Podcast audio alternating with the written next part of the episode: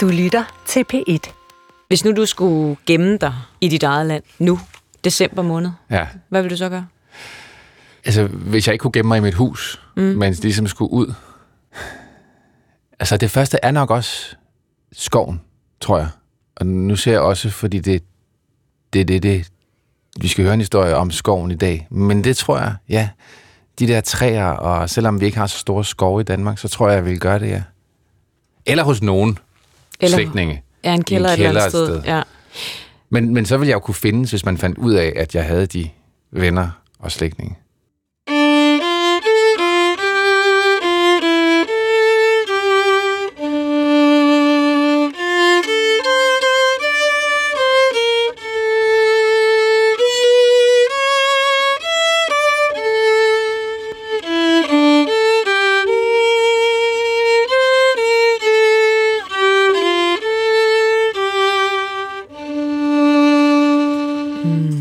Dejlig tone den sidste, ikke? Jo, det var så fint. Aftener i Moskvas forsteder, hvis man lige så tænker, hvad nu den intro hedder.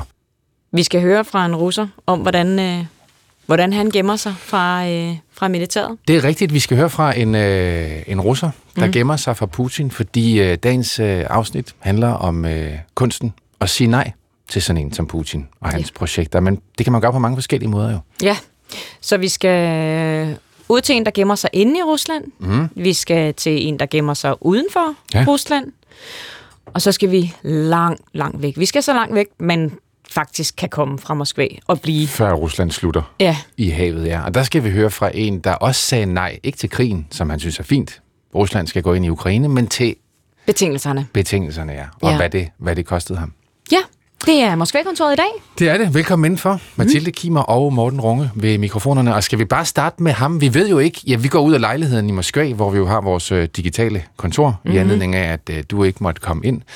Men for første gang ved vi jo faktisk ikke, hvor den her mand befinder sig henne. Nej. Og det gør vi ikke, fordi han heller ikke synes, at myndighederne skal finde ham. Præcis. Så han er i, øh, i en skov, som du ligesom fortalte tidligere. Ja. Og der, øh, der arbejder han så et eller andet sted i Rusland. Jeg vil sige, vi ved jo nok godt, at han er i den sydlige del af Rusland. Mm. Og det er nok meget godt sådan rent temperaturwise, når man nu bor i et telt. ja. Som han jo gør. Ja. IT-udvikler. Men det kan han jo fortælle. Han hedder Adam øh, Kalinin. Det kalder han sig i hvert fald. Det er ikke hans rigtige navn. Det er der ikke nogen af os, øh, der ved. Men vi har talt med ham. Ja. М, Ну, решил это где-то через пару-тройку дней после мо- м, объявления вот этой частичной мобилизации. Ja, jeg besluttede at flytte ud i skoven et par dage efter, at vi startede den der delvise mobilisering. Min kone og jeg spekulerede meget over, hvordan situationen ville kunne udvikle sig. Og i begyndelsen tænkte jeg, at det nok ville gå over i løbet af et par måneder. Men så ramte alvoren mig. Første gang, da min ven flygtede til Kirgisistan, der tænkte jeg, okay, det kan vel også ramme mig så. Og anden gang, da jeg fik en bøde, fordi jeg havde hængt sædler op på opslagstavlen i min opgang med teksten Nej til krig. Men jeg ved ikke helt, hvordan det blev opdaget, men der hænger et overvågningskamera i opgangen, så på et tidspunkt tog viseverden nok kontakt til myndighederne, og så fik jeg altså en bøde. Det fik mig til at indse, hvor seriøst staten er begyndt at stramme skruerne. Men, men dybest set så kunne jeg mærke, at jeg var rigtig bange for at blive mobiliseret. Og jeg tænkte også, at selvom man nok godt kunne prøve at lægge sag an og forsøge at øh, omstøde indkaldelsen, så kommer man nok til at føre sagen, mens man kæmper ved fronten et sted. Приняли, но это ты когда ты будешь делать, когда уже будешь на фронте. Og så besluttede jeg, at jeg hellere ville ud i skoven. Jeg må, jeg må indrømme, at jeg var i tvivl om, hvorvidt jeg kunne klare det. Jeg havde taget på lange vandreture med min kone før det, men et er at vandre, og noget andet er også at kunne skabe en arbejdsplads i en skov, hvor man kan arbejde 7-8 timer i hverdagen. Jeg skulle jo passe mit arbejde. Men så, så lavede jeg en, en plan og tænkte, det virker da egentlig okay realistisk. Altså, hvis jeg kan skaffe mig noget teknisk udstyr, så skal det nok gå. Og mine solceller, de kom lige i sidste øjeblik, før jeg tog afsted. Ну, солнечные панели не паковал, но я их прям ждал, я заказал, они прям притык-притык пришли. Min kone var selvfølgelig ikke så glad for det, men altså for helvede, hun forstod det jo også godt. Vi, vi er temmelig enige om alt. Ну, блин, тут э, в целом она с пониманием отнеслась. Hun var ikke så bekymret for mig. Øh, Vi var mere bare sådan nedtrykte over, hvor surrealistisk en situation det er. Ну, типа, это какой-то сюрреализм, что приходится вообще такое делать, что... At vores land er i krig, og at man ikke må kalde en krig, og at man skal gemme sig i skoven for ikke at blive skovlet ind til krigen. Det er bare så mærkeligt, det hele. Så hun endte med at sige, okay, selvfølgelig, tag afsted. Og hun kommer cirka en gang om måneden med mad. Ikke så ofte, som jeg kunne ønske mig det, men det er okay. То есть не так часто, как, может быть, хотелось бы. Ну, нормально все равно. Ja, vildt nok, der sidder han nu. altså, ja. Den ultimative alene i, I Vildmarken. Vildmarken. Bare, bare øh, en Du vinder mealtime. ikke en million, Nej. men, men hvis du bliver opdaget eller giver for tabt, så bliver du indkaldt. Ja, og prisen, præmien, er din frihed. Hvis du holder ud længe nok til, at krigen er slut, Ja. så kommer hans kone en gang om måneden. Men han sidder altså der i skoven, og det er vores kollega Ocean Shapiro, der har talt med ham, mm. og han... Øh, ja, det, vi skal høre lidt om hans hverdag og sådan noget, men han har jo en Telegram, altså en, en slags YouTube-kanal, mm. hvor, han- som, som, som, øh, som vokser i antal følgere. Så folk synes jo et eller andet sted, at der er noget fundamentalt interessant Ja, ved der, historien om, en, en mand flygter ud i noget så fundamentalt som en skov. Ja, og måske er der også nogen, der søger lidt inspiration. Altså en ting er jo, at den mobiliseringsbølge, som startede mm. i september, formelt er afsluttet. Ja, man kan stadigvæk godt blive indkaldt, øh, men det er jo ret bredt frygtet, at det bare var første bølge, mm. og at der kommer en anden bølge. Så selvom du nåede at dukke dig og gå fri af den her, der er afsluttet, så kommer der nok en ny. Fordi, ja, og det kunne jeg godt tænke mig lige at spørge dig om, så, for hvad gør man egentlig altså, hvis man er mand i Rusland, og der sidder en seddel på din dør, det er jo sådan meget, øh, så står der bare, at du skal møde op her, mm. tag den her seddel med og dit pas. Mm. Hvilke muligheder har man så egentlig? Jamen, der er ligesom to skoler inden for det. Det ene er, øh, skynd dig at pakke weekendtasken og, og komme afsted, men det svarer altså til, at du deserterer. Altså selvom du ikke er inde i systemet sådan for alvor, så er du det. Du er indkaldt, ergo så er det en, mm, en kriminel det- sag. Altså okay. du kan gå i fængsel øh, for det, ikke? hvis du ikke møder op. Den anden del er at, at så møde op på det her værvekontor, og så forsøge at argumentere, måske med hjælp fra en advokat, at du ikke bør blive øh, værvet. Altså, du, Fordi din kone er gravid, eller du har ondt i ryggen, eller alt sådan noget. Ja, alt, alt hvad der er. Der er også masser af læger, der tilbyder at lave sådan nogle øh, læge... Øh, hvad hedder de? Attester. Erklæringer, Erklæringer, ja. ja at, at du ikke er egnet, fordi det ene eller det andet, eller du er psykisk uligevægtig. Altså, man kan jo finde på hvad som helst. Mm. Det er bare også rel- relativt velkendt, at mange af de der ledere af rekrutteringsafdelingen, de, de krøller det i, Ja. sammen og, og smider det i papirkurven, og så siger, værsgo, du kan tage størrelse 45 Ja, det er i, i støvler en- derovre. Jamen, jeg bruger 42, Ja. ja. tag 45. De siger ikke sådan, en lægeerklæring, nå spændende, det har vi aldrig set før. Nej. det, de, de, de siger, det sådan siger de det måske lige præcis. Ja, spændende, lidt, spændende. øh, lidt Den lægger jeg herover, hvis du så bare sætter dig over Ja. i bussen. Så på den måde kan man godt forstå øh, Adam, eller det, der sådan har drevet ham til. Han ikke at ville forlade sit land, mm. men sit sted, sådan så han ligesom forsvinder. Ja. Ja. Han fortæller om øh, sin hverdag i skoven, hvor han jo har været et par måneder nu, Ja. i hvert fald. Ja. Øh, og han er begyndt at høre øh, dansk musik i skoven. Han har jo internetforbindelse, så han er i nærheden af, af, af et eller andet. Han, så han er blevet meget vild med det danske band øh, Trandemøller, som er sådan lidt melodisk, og synes, synes Adam passer til øh, skoven. Så det har vi lagt under hans... Øh, For ligesom at fornemme, hvordan han går ja. og, og hygger sig derude i skoven. Ja, når han nu fortæller om sin hverdag her, så er det med Trandemøller øh, I Miss You-tracket øh, under. Как правило, я встаю часов в 7-8 утра. jeg står op ved 7-8-tiden af mig selv. Koger noget grød eller suppe og laver noget kaffe. Så bruger jeg lige en halv time på at finde noget træ, som skal bruges til byggemateriale til et lille hus, jeg er ved at bygge. Jeg laver nogle målinger og markeringer på træet, og så går jeg over til mit andet telt, som er mit kontor, og arbejder i 8 timer cirka. Det bliver tydeligt mørkt, så om aftenen tænder jeg en lygte og bygger videre på mit hus. Så tænder jeg måske for nettet på min telefon og sidder og svarer på nogle beskeder fra følgere af min Telegram-side. Noget vildt er, at min krop faktisk så har det meget bedre her, end når jeg bare sidder på min IKEA-stol foran computeren hjemme i byen. Ja, jeg har det faktisk ikke så skidt med at være alene. Jeg savner lidt mine venner, og så snakker jeg nogle gange med min kone om, at hun måske skulle komme herud og bo lidt med mig. Men det beroliger mig at stå og puste med de her byggeprojekter. Det, der virkelig hjælper på mit humør, er følelsen af, at alt, hvad jeg laver her, kun afhænger af mig. Og jeg har total kontrol med det. Hvis jeg mangler brænde, så ændrer jeg brænde. Det var der mindre af inde i byen, hvor man er mere påvirket af andre. Det er en usædvanlig følelse. Der er ingen, der kommer og banker på din dør med en indkaldelse, og der er ingen, der holder øje med dig eller kan angive dig som i en by eller en lille landsby, hvor alle kender hinanden. Потому что в dеревне все друг друга знают. Это маленькое сообщество. Og så, ja, så er det pludselig blevet til en fordel, at vi har så inkompetent et stat, som ikke har ressourcer nok til at sende folk afsted for at lede efter mig i skoven. То есть все те Мгм. недостатки, которые в государстве в обычное, в нормальное время, в мирное, они Jeg havde egentlig kun tænkt mig at blive her et par måneder, men da de begyndte at erklære krigstilstand i enkelte regioner, forstod jeg, at det her trækker meget ud, og at jeg nok bliver nødt til at overvintre her. Så jeg kommer nok til at fejre nytår her med min kone. и собираюсь. Ну, Новый год, наверное, буду встречать по-любому.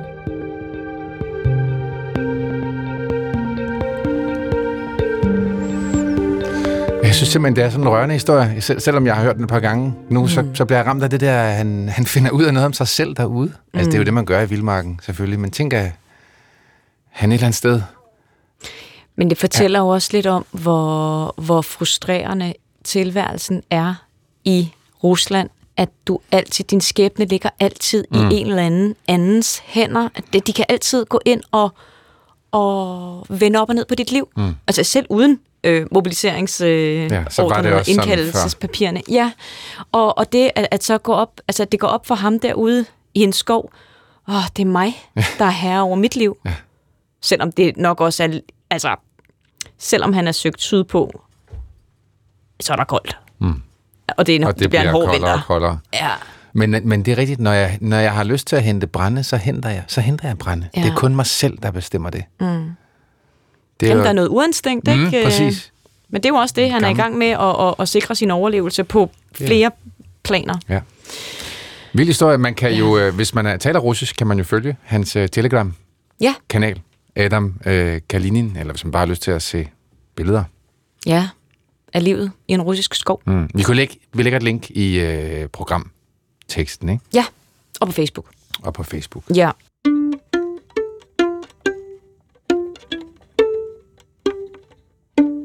Nå, vi skal jo... Øh, vi skal andre steder hen i dag. Det skal vi, så vi skal lige tilbage til... Nu ved vi jo ikke rigtig, hvor vi er henne i skoven der, men lad os sige, at vi lige hopper tilbage til øh, Moskva. Ja. Alle veje kører alligevel gennem Moskva. Jeg har jo, øh, som jeg plejer, købt en øh, togbillet. Det har du nemlig. Det var ikke det, du se. Nå, jeg du har mange billetter i dine lommer i Ja, dag, det kan jeg rigtigt. Og det er jo den, på mange måder den ultimative togbillet Det er det. i Rusland. Mm. Hvis du er i Moskva og skal til Vladivostok, Ja. som er vores endestation. Og der er afgang øh, i nat, øh, 00.35, fra Jaroslavski station. Ja, Og så, altså, 1. december tager man afsted, ikke? Og så er vi i Vladivostok øh, 6.03 den 8. december. det er dejligt. Ja. Så kan vi lave næste program. Ja, det kunne vi gøre fra toget. Ja, derovre fra Nå næsten, ja, ikke? det kunne vi også, jo. Lige ved at trille ind. Vi skal se syv afsnit af juleklænderen i toget, før vi er fremme. Oh, Eller hvordan man nu vil forstå Ja. øh, tid Ja. i december. Mm. Men vi har et stop undervejs. Vi, vi skal til Vladivostok for at høre, øh, både for at, at mærke byen, og hvordan det egentlig er at bo så østligst. Mm. Men også for at høre en vild historie om at sige nej på en anden måde. En helt afsindelig vild historie, som også er knyttet til krigen. Mm. Øh, ja. Ja, vi pitstopper. Må jeg, må jeg afbryde Det må du, der? ja. Fordi vi pitstopper lige i, i Tjeljabinsk, den her sådan ret... Øh, ej, det er en fin, en fin provinsby. Lidt industriel i sin... Det var det, du at sige. Ja, det, jamen, ja. det, jeg prøvede ikke at... Altså, man skal også Den er fin prøve nok. at finde de pæne ting. Jamen, det er fordi, det er sådan lidt lillebror til Jekaterinburg, hvor mm, vi jo har hvor vi været. Ja, det er rigtigt. Og- Som og- var meget smuk. Den er sindssygt smuk. Jamen, det er den. Og der står, at Tjeljabinsk er altså sådan lige lidt i skyggen. De har mm. fået alt tungindustrien. Ja, det er jo arbejdspladser. Det er masser, masser af arbejdspladser. Ja. Nå, men der bor, øh, eller boede, tør jeg at sige, øh, Nikita Chikanin, Ja. Øhm, og var DJ, og sådan lidt en hipster, vil jeg sige. Ikke? Øh, han, han levede det gode liv indtil den 21. september, ja. hvor mobiliseringen blev annonceret. Hvor mange, rigtig mange russere var nødt til at tænke, hvad gør jeg? Hvordan siger jeg nej Ja, til det her? det der, det, det er simpelthen ikke for mig. Nej. Så øh, det kan være, at vi lige skal... Øh, Ja, han fortæller bare lige ja. selv lidt om, øh, om dagen der, da han tog afsted, og hvad han egentlig øh, gjorde og tænker om det hele. Ja, det kan være, at jeg lige skal fortælle, at jeg mødte Nikita i sidste uge Ja, i Kazakhstan. så spoiler du lidt selvfølgelig, gør hvor jeg. det var, han har taget. Åh, undskyld. Men fint nok. Nu spiller jeg. Lad ham fortælle det. Ja. Уехал 23 сентября, Jeg rejste 23. september, og jeg var bange. Altså, de ville jo nok ikke have spurgt mig sådan direkte, vil du i fængsel, eller vil du til fronten? Så jeg blev selvfølgelig bange, Jeg pakkede de ting, jeg kunne nå, og skyndte mig at køre til Kazakhstan i min bil. А, и поехал поскорее в Казахстан на машине. I Rusland arbejdede jeg som øh, DJ. В России я работал диджеем, а у меня была Jeg havde очень en øh, хорошая meget god karriere i Tjeljabinsk. Øh, Jeg var en kendt DJ. Jeg levede meget godt og arbejdede to dage om ugen, om øh, fredagen og om lørdagen, og så havde jeg altså fem fridage. Og statssystemet i Rusland har aldrig gjort livet svært for mig. Jeg har aldrig følt mig undertrykt eller begrænset. Øh, Ja, mit liv i Rusland var fedt, men jeg har i den grad mærket russofobien nu. Altså, det mest ubehagelige er, når folk fra andre lande kræver af dig, at du indrømmer, at Rusland er en aggressor, at Rusland er et dårligt land, at russere er dårlige mennesker. Россия агрессор, что Россия плохая страна, что, что русские плохие, что это как-то орки. at det er orker, journalister, at de er snobbede osv., så siger jeg altid, folkens, lad lige være med at generalisere. Øh, Det er altså både øh, stødt på online og i den øh, fysiske virkelighed i Rusland. Ja, det var noget af nogle tanker, der satte gang i ham i virkeligheden. Ja, Ja, så, fordi han flygter så til Kazakhstan, hvor du møder ham, var det ja. at sige. Han, ja. han bor jo derude i, uh, lige ved Uralbjergene, og, og det tætteste på for ham var den kazakiske grænse. Det er Ja. jo 100 km væk, så er han allerede i, i Kazakhstan. Så han startede bare bilen, smed sine ting ind i bilen og kørte. Mm. Øh, og jeg møder ham så der i, øh, i øh, Almaty, den største by i, øh, i Kazakhstan, hvor han øh, de første to måneder boede på sådan et, øh, et hostel for unge russiske mænd. Altså Ja. der var vel en 25-30 russiske mænd, alle sammen ankommet af samme grund, mm. fordi de ville væk fra... Øh, For indkaldelsespapirerne. Ja, ja, lige præcis. Øh, rigtig mange af dem var, øh, ligesom øh, din Adam ude i skoven, var IT-folk, ja. så sad der og, og arbejdede på deres øh, computer og forsøgte at, at opretholde en eller anden form for tilværelse. Mm. Men det, som slog mig med, øh, med Nikita her, det er, at han jo på ingen måde er modstander af det russiske system.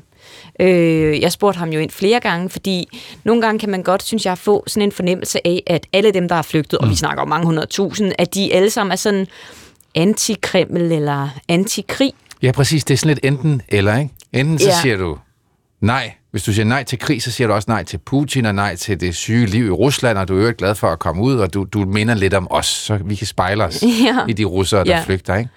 Men ja, det var også noget det, vi ville undersøge i den her udsendelse. Sådan er det jo ikke. Nej. Altså, rigtig mange har nuancer af det der. Ja. Nej. Og, og, og Nikita er, øh, altså vil ikke, kalder ikke sig selv for en putinist, men, men øh, som han lige fortæller her også, systemet har aldrig været imod ham. Han har aldrig følt sig undertrykt eller, eller svækket, og han bliver faktisk irriteret, når han hører andre russere sige, at de skammer sig over at være øh, russere. Mm. Og jeg spurgte ham ind til meget, fordi det der med russofobi, det er jo sådan en en, øh, en lingo, som øh, Putin blandt andet har, har, har fremført, og Lavrov, og, altså alle, alle pengerne i russisk politik har jo fremført i overvis, at, at, at hele den vestlige verden lider af russofobi, så jeg var jo enormt interesseret i at høre ham, hvor er det så, han møder det her. Og selvom jeg spørger ham fem gange i interviewet, hvor det er, at han møder den her russofobi, så er hans eneste svar hos russere. Mm. Altså det er altså russere, Altså andre russere, Ja. der kræver, at Ja. han skal tage afstand fra Jeg har- sit... jeg- øh, ja. Jeg spurgte ham så mange gange, "Mm, har du mødt det her i Kazakhstan? Nej, aldrig. Mm. Jamen, har du mødt det i, øh, i Europa? Nej, men han har så kun lige været på en weekendtur i, øh, i Frankrig. Men hvor er det så, du har mødt det? Jamen, det havde han i hvert fald mødt i Rusland. Mm. Så jeg tror altså også, og det er selvfølgelig lidt frægt, når han ikke selv har mulighed for at, at svare andet end via interviewet, men det er også lidt en... Jeg tror, der er en afsmitning også af den propaganda, der foregår. Mm. At man har en forståelse af, at alle hader mm. russere. Og så har, ja, og så har han jo også et interessant, øh, en interessant anden tanke omkring det her med, at, at Vesten kræver, at vi vælger side. Ja, Den her krig er det gode det mod onde mod det gode. Ja. Det onde har invaderet det gode, og langt hen ad vejen er det jo også, det, det er jo en historie, der er nem at forstå, og man kan også godt se billeder fra den, og det giver god mening, når vi skal fortælle, fortælle vores børn, hvad det er, der sker Ja. i Ukraine.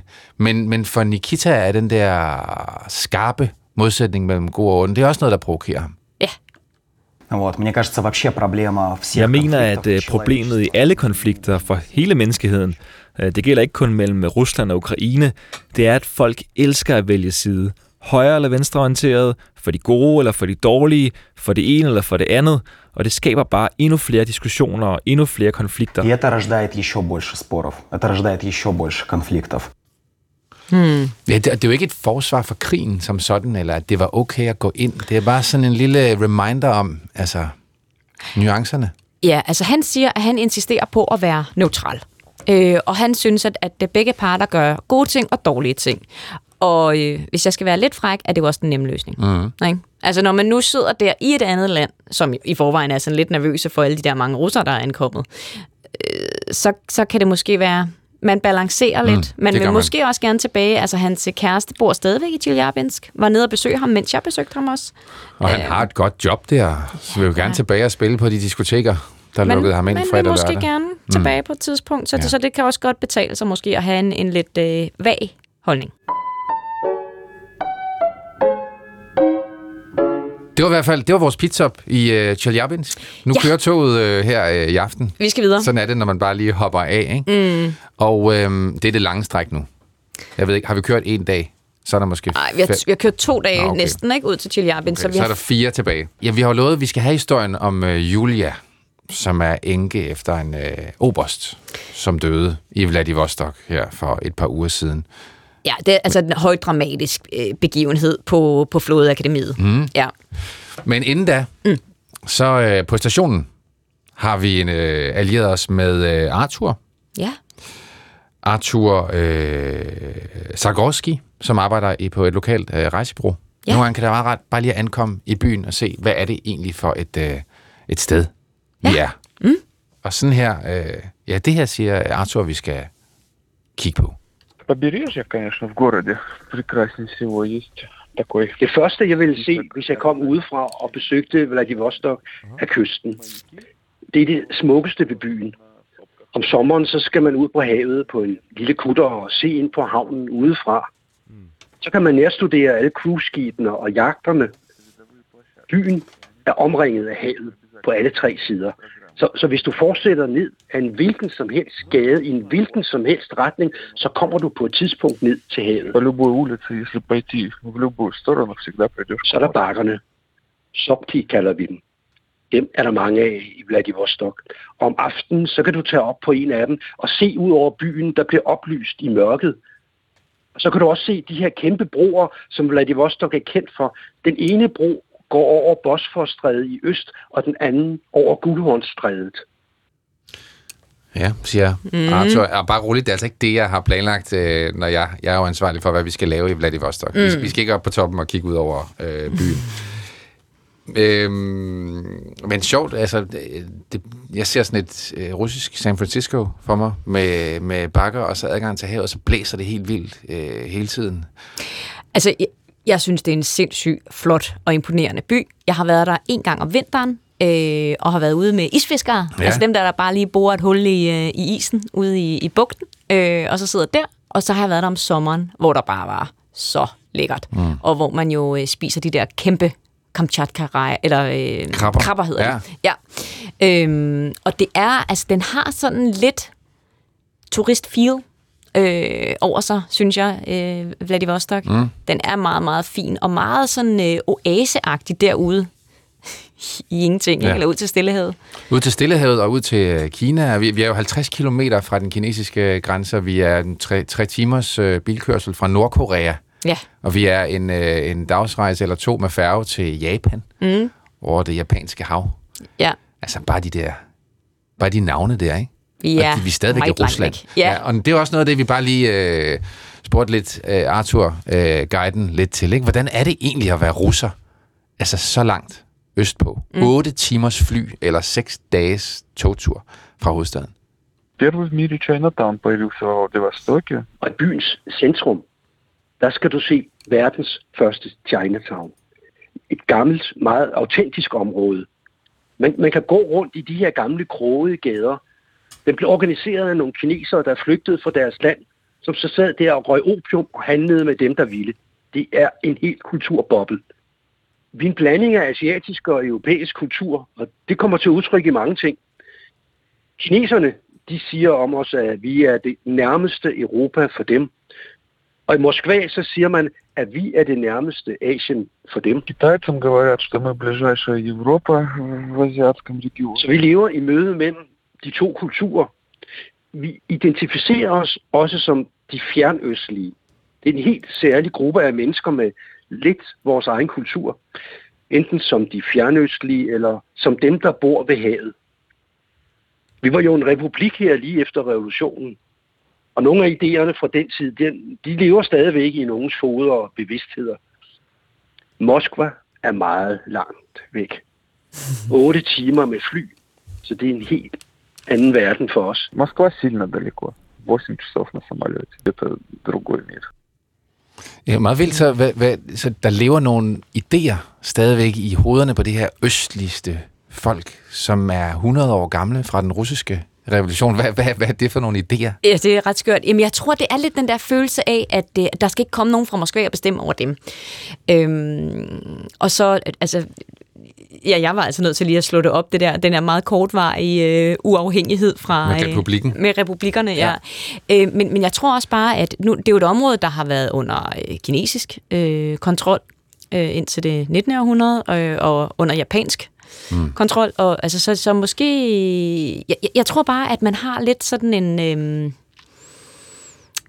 Altså det der med, at der er otte timers flyvetur ja. til Moskva, så, så man har sin egne måder at gøre det på. Man har sin egen øh, mafia. Øh, kan jeg huske, at jeg, da de fortalte mig meget om det, mm. derude sidste det, gang. Det lyder også som om, at nede i Chinatown, der handler der, man med lidt af hver. Ja, ja. Så øh, jeg, jeg tror bare, at man, man også ligesom dyrker sin, øh, sin identitet, der er anderledes end mm. øh, hoved, ja. hovedrusland. Ikke? Men ikke desto mindre, selvom identiteten er anderledes, så havde man de samme var man underlagt de samme krav her ved øh, mobiliseringen. Man skulle også stille med soldater til krigen, selvom den er 8 timers flyvetur væk. Til, selvfølgelig. Og ja. det her er jo stedet, hvor at den russiske stillehavsflåde er baseret, ja. og derfor er floden også, floden har mm, kan vi sige, særstatus herude, og skulle selvfølgelig rekruttere mm. eller mobilisere mm. hundredvis, tusindvis af mennesker. Og det er der, nu skal vi høre Vadims historie i den sammenhæng. Vadim var, kan jeg sige, oberst på sådan et flåde Stillehavs, øh, hvad hedder det, akademi eller ja, base, ikke? Ja. ja, og var ansvarlig for at levere soldater til krigen. Og han øh, var for krigen. Synes det var en god idé at, øh, at gå øh, ind i Ukraine. Men han var ked af måden, det foregik på. Mm, han var i hvert fald ikke tilfreds med det, han kunne sende sine mænd afsted med. Mm. Det tror jeg i øvrigt, at der har været hundredvis af andre oberster i det russiske forsvar, der har haft det på samme måde, men de har måske ikke sagt det højt, som mm. Vadim prøvede at gøre. Ja, så Vadims historie bliver fortalt af hans enke, Julia. Ja. Som øh, skrev for nogle uger siden et øh, åbent brev til øh, Vladimir Vladimirovich, som jeg tænkte, man fan af det. Men det, det er jo Putin, og, og jer, der kan russisk, siger, det er bare et patronym. Sådan tiltaler man Putin. Ja. Vladimir Vladimirovich. Vladimirovich. Vladimirovich, mm. ja. Fordi hans far også hed Vladimir. Klart. Ja. ja. Så det du siger egentlig, Vladimir, søn af Vladimir. Ja, det er ja. rigtigt. Nå, skal vi høre... Så, ja, hun, ja. Har, hun har skrevet fem sider langt brev. Vi har kortet lidt i det. Oversat det. Øh, ja, så her kommer de tre øh, væsentligste minutter af, hvordan Julia ser på det, der skete med hendes mand, der forsøgte at sige nej til Putin. Ikke til krigen, men til måden, det foregik på. Kære Vladimir Vladimirovich, jeg henvender mig til dem som den øverst kommanderende for de væbnede styrker i den russiske føderation for at forsvare min afdøde mands ære og værdighed og for at slå fast, at Oberst Vadim Yevgenjevich var en patriot i sit hjemland. Denne voldsomme hændelse, som jeg nu vil kaste lys over, fandt sted i byen Vladivostok 16. november 2022. De taler og skriver allerede om det langt ud over grænserne til vores region, mens de lokale bare kalder det Vadim Yevgenjevich død. Da der i september blev annonceret en delvis mobilisering i hele landet, blev alle militære afdelinger og institutioner involveret i at løse opgaverne. Og min mands arbejdsplads, flådebasen ved Vladivostok, var ingen undtagelse. Vadim blev udpeget til at være ansvarlig for modtagelse og kontrol af nye rekrutter, og han gik til opgaven med stor ildhu og omhyggelighed. Det viste sig dog hurtigt, at der ikke var nok personale på basen, At borgerne var meget svært at få fat på, og dem, de fik fat på, var ikke vant til disciplin. De kom tit i slagsmål, og misbrug af alkohol var ikke ualmindeligt. Og endnu vigtigere, det var Jims vurdering, at det var umuligt at føre krig med det udstyr, de mobiliserede fik stillet til rådighed. Det hørte hjemme på et museum. Det sagde min mand højt, både til ledelsen og derhjemme. Men han bemærkede også oftere og oftere, at han ikke fandt støtte hos ledelsen. Faktisk begyndte cheferne at tage afstand fra et hvert ansvar for problemerne. Hvor Jim og jeg forstod langsomt, at de ikke havde brug for sandheden, og i stedet forsøgte at udnævne ham som hovedsynderen til, at Vladivostok ikke kunne levere det nødvendige antal soldater til krigen. Jim tabte sig 15 kilo, og han kunne ikke sove om natten. Han var i konstant stress. Og da ledelsen en dag fortalte ham, at han ville blive gjort personligt ansvarlig for misæren, med krav om 10 millioner kroner, en straffesag og konfiskering af vores ejendom, var det dråben. De må ikke lade min mands død gå ubemærket hen, for så har alt dette været forgæves. De må sætte en stopper for den skændsel, der foregår i militæret her i de fjerneste østlige egne af vores land. Jeg beder dig om at gå ind i efterforskningen af min mands tragiske død. For nogen har begået en kriminel handling og forsøgt at flytte ansvar over på min mand. Og det hele har ført til en betydelig forringelse af vores lands forsvarsevne. Med venlig hilsen, Enke Julia Alexandrovna. Ja, skriver Julia altså i sådan et åbent brev Ja. til øh, Putin. Det er, jo en, altså, det er jo foråret til en tragisk russisk roman. Også hendes sprog og mysteriet omkring hans død. Det kan være, vi, vi skal sige, altså det, men vi ved jo ikke med sikkerhed, hvordan han egentlig døde. Nej, altså det- militæret eller flåden siger jo, at han har begået selvmord. Mm. Øh, han blev fundet inde på basen, altså på et kontor. Øh, Julia, det er noget af det, vi har ligesom udladt øh, af brevet her, beskriver jo også, at, at, mm. at han er blevet dræbt, eller mm, hun mener ikke, at han har slået sig selv ihjel. Vel, hun mener, at han er offer for en forbrydelse. Øh, Dels den første med at blive anklaget mm. for, for øh, at have svindlet jo, mens hans øh, reelle formål var at afsløre korruption mm. i, øh, i flådeledelsen. Ja. Så havde man brug for en øh, søndebuk. Ja. En forklaring på, at man ikke kunne stille med det soldater, det antal soldater, man skulle. Ja. Og det var så Vadims skyld, fordi han ikke fik orden på dem. Ja, og det, man kan sige, vi ved jo ikke, hvad der er op og ned. Vi ved ikke, om, øh, om Vadim øh, har været øh, skyldig eller ikke skyldig mm. i, at, at de ikke var udrustet øh, på en ordentlig måde. Vi må bare sige, at hans, øh, hans øh, ulykkelige sag og, og død jo er ikke nyt. Altså, det er jo ikke nyt, at der er tale om, at de russiske soldater bliver sendt afsted med defekt eller for gammelt, eller slet ikke noget udstyr, at de bliver bedt om at købe ting selv. Altså, der har jo figureret i månedsvis de her videoer, hvor øh, altså en af dem, der virkelig har sat sig i mig, var sådan en, en video, hvor de bliver bedt om at købe en pakke tamponer, og så står de sådan og fniser lidt soldaterne, ikke? Mm. Jeg ved ikke, hvorfor I skal have en pakke tamponer, siger den her rekrutterings, det er så en kvindelig øh, soldat. Og så, ja, det er for at stoppe ind i skudhullerne, mm. idioter. Ja. Ikke? Men, men hvor man kan sige, øh, og, og, og fred være med det, øh, det skal nok øh, klare nogle skudhuller, men, men hvor er deres førstehjælpspakker henne, mm. ikke? Så det her er jo også bare historien om, at der faktisk er nogen, der råber op, som egentlig er på krigens side, som synes, at det er fint at gå ind i Ukraine, Ja. men som synes, at, den, at måden, det sker på her, øh, ikke øh, hører til i moderne krig. Og nu er han tryg. Og det endte jo så med at koste ham livet på den ene eller den, eller den anden måde. Vi har øh, forsøgt, og, øh, eller vi har kontaktet flådebasen, Ja. og givet dem mulighed for at give deres version af sagen, men det er de ikke vendt tilbage. Men hvis de på. gør, så tager vi det op i næste, Klart. eller næste fremtidige Hun- episoder. Hun beder i hvert fald om en efterforskning Ja. af hans død her. Ja. Men det er jo også bare, altså selv det fjerneste Rusland er, er jo involveret i en krig, mm. der ligger hvad, 9.000 kilometer væk fra dem. Altså det er jo ikke noget, der ellers er præsent for dem. Der falder jo ikke en vildfaren raket eller missil ned i Vladivostok. Nej. Øh, men, men man mærker stadigvæk krigen. Og, og det her flådeakademi er jo virkelig super høj prestige. Altså det er måske det fineste du kan, sted, du kan uddanne dig ikke, i, i Vladivostok. Og selv ikke der havde de så styr på det. Nej.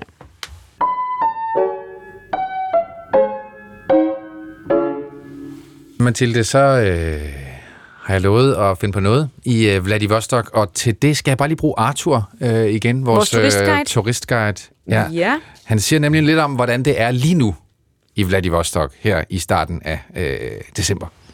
Сейчас идет ледяной дождь и минус 3. Lige nu er det minus 3 grader, og det er isregn. Det er en slags regn, der så snart den rammer jorden, så lægger den sig som tynd isskorp over vejene. Der bliver lagt rigtig mange videoer på sociale medier øh, for tiden med biler og mennesker, der glider på vejene ned ad bakkerne. Ja, det kan man godt se for sig. Jeg, jeg har virkelig set Ja, det mange af det. de her videoer. Det, ser, det er jo, folk falder over og brækker ham på ben klart. hele tiden. Det Det er jo virkelig ikke noget at grine af, men det kommer man jo til nogle gange af sådan noget. Ja. Nå, men det er grunden til, nu må du tage øh, min taske, der Okay. står derovre. Okay, den har du gået og sådan og Den puslet er gået og med puslet dag, lidt med, at du har prøvet at veje Ja. øh, lidt løfte på den og sådan noget. Der er nemlig noget i den, som vi skal bruge. Ja. Nå. Altså, må jeg åbne? Ja, ja. Det er sådan en fjeldreven. Det, kan du. Øh, Det ligger der lidt forskelligt. det er meget voldsomt. Der ligger en økse. ja, tag Ja. den frem. Wow. Dog i sikret tilstand. vil Ja, jeg sige, du kan lige, du, kan, du må Jeg gerne knap. jeg Der er ikke mere. Nej, der er ikke Jeg mere. skal ikke tage mere op. Det er bare sådan lidt til det, til det der selv. det er noget andet. ja. Okay. Men du kan åbne øh, sikkert. folkeksen der, lige at mærke øh, Ja. bladet der. Så jeg ved ikke, om du kan regne ud, hvad vi skal bruge den til. Skal vi ud og hugge is? Eller hugge brænde? Vi skal ud og hugge is. Vi skal ud og hugge is. Prøv at høre. Åh.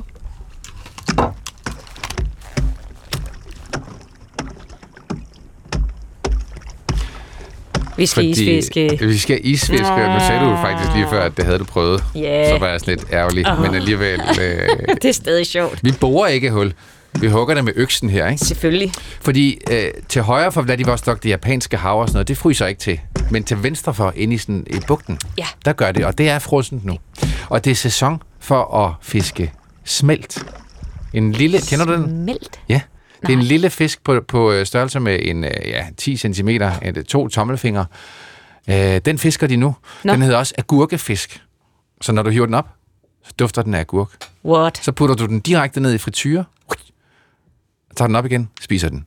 Med hud og hår, havde jeg sagt, og ben. Der Altså, er så, små, så, at så ude bare- på isen har vi også lige en frityregryde med. Ej, det skal godt være, Ja, at okay. vi bare lige kan skal tage det fangsten med. Men, Okay. øh, men altså sådan relativt hurtigt, friskt. Fedt. Det sidder de og gør lige nu på øh, bugten ved Vladivostok. Det, jeg pakker lige den her økse sammen, så vi kan komme afsted. Det synes jeg da, Ja. vi skulle gøre. Ja. Er du god? Har du tålmodighed til sådan noget fiskeri og sådan noget? det det er jo isregn og minus 3 grader. Ja, det har jeg faktisk ikke. Men det er meget hyggeligt det der med lige at sidde og få en kop te eller noget, der er stærkere derude, og så se ud, og så... Så lige tage et billede til Instagram, og så går du ind. og så bliver jeg siddende. Ja, Og så kommer jeg med kommer med smelten om fiskene. 8 timer. Så start, jeg starter frityren. Ja, det kan du gøre. så ses vi inde på fastlandet. ja det er en aftale. Tak for i dag. Tak for i dag, ja. I redaktionen Emma Klitnes og Øjsen Shapiro. Her ved øh, mikrofonen var vi Mathilde Kimer og Morten Runge. Skriv til os, hvis øh, du har noget på hjerte. Moskva-kontoret snabelag DR.dk. Vi ses næste uge. Det gør vi.